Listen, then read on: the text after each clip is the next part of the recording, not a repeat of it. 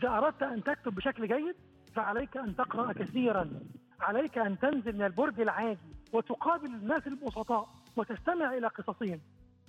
ليس كل من حمل قلما أو كتب مدونة صار كاتبا جهبذا في ليلة وضحاها. لكن الكتابة الاحترافية أيضا ليست حكرا على عتل مثل الدكتور عبد الرحيم درويش. وإن كان العلم الغزير سينعكس جليا في التعبيرات والاستدلالات والنقاشات والأفكار والتحليلات المكتوبة. لكن في النهاية الكتابة ملكة تحتاج إلى من ينميها ومن دلالات وجودها لدى المرء عشق للتعبير عمق في التفكير والقراءة من الكتب الكثير. تلك ببساطة كانت طفولة عبد الرحيم الصغير قبل أن يصير دكتورا. عندما كنت صغيرا كنت أعشق القراءة وعندما قرأت أحسست أنني أستطيع أن أكتب. وطبعا في المحاولات الصبيانية الأولى كنت أحاول أن أقلد بعض الكتاب المشهورين بحيث ان كانت بتستهويني قراءة الروايات. عاوز أقول لك إن الهواية دي مش بس اكتشفتها منذ الطفولة ولكن من قبل عندما كنت أسمع القرآن. عندما تسمع القرآن الكريم تسمع قصص القرآن فتشعر بأنك تعيش في القصة. عاوز أقول لحضرتك القرآن عندما أثار هذا الخيال بداخلي بدأت أشعر أنني أستطيع أن أكتب. وما بقتش بقى قصص الأنبياء أو قصص الصالحين فقط ولكن صار صرت لدي هواية أيضا أن أستمع إلى كل من يروي قصة.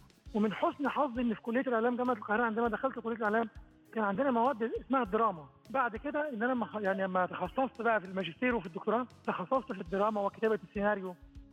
خلال أيام دراسته كتب عبد الرحيم قصة فازت بالجائزة الأولى على مستوى الجامعة. شكلت تلك المرحلة علامة فارقة في مسيرته الأدبية. انبرى بعدها بشلال يتدفق بالإنتاج الفكري. فأستاذ ووكيل كلية الإعلام بجامعة بني سويف حاليا أثرى الجامعات والكليات التي عمل لديها سابقا بعشرة كتب علمية في الاتصال والدراما والبحث العلمي والتربية الإعلامية. كما أثرى المكتبة العربية بعشرة روايات وثلاث مجموعات قصصية حتى الآن. ما وصلت إليه حسيت أن أواصل مشوار الروائي بقى والقصصي وحسيت إنك بتكتب باسس علمية وإن الجمهور متقبل. فبدأت أصدر رواياتي بدأت أصدر روايتي اسم رباب لما كنت في الإمارات وبدأت عملت رواية اسمها صار العسكر وأصداء الخيال. هي ثلاثيه تشتمل على ثلاث روايات صار العسكر أوهام النصر أصداء الخيال. وبعد ذلك بدأت أدخل في الحياة الواقعية فالفت روايه الغيبوبة. طبعا مأساة أستاذ الجامعة ومأساة المتعلمين في العالم العربي. ثم بدأت ألجأ للفانتازيا.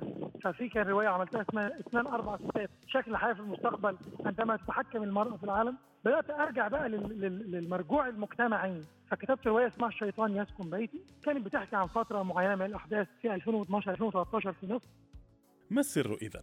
كيف يستطيع أحدهم أن يصل لهذا العمق والتنوع الأدبي ولم يشتعل رأسه شيبا ولا بالكاد خط الشيب فوديه؟ كما في محاضراته الجامعية لا يالو الدكتور عبد الرحيم علما على أحد فإن لم يكتب فهو دائما يقرأ. وكما يفعل العشاق في فترة الخطبة لا ينام ليلة قبل أن يغازل قلمه دفتره بصفحة أو صفحات مما تجود به نفسه. إذا أردت أن تكتب بشكل جيد فعليك أن تقرأ كثيرا.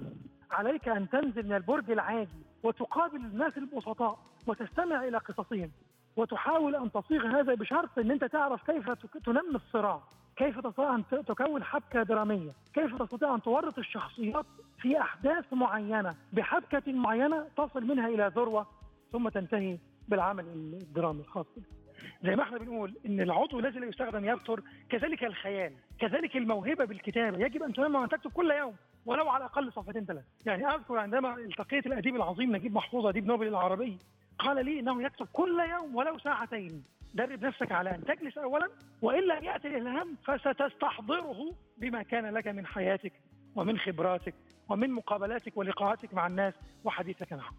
اذا هي قصة حب وتفان يعيشها كل ليلة تتوج في النهاية على محيا كتاب بعبارة تقول بقلم الدكتور عبد الرحيم درويش.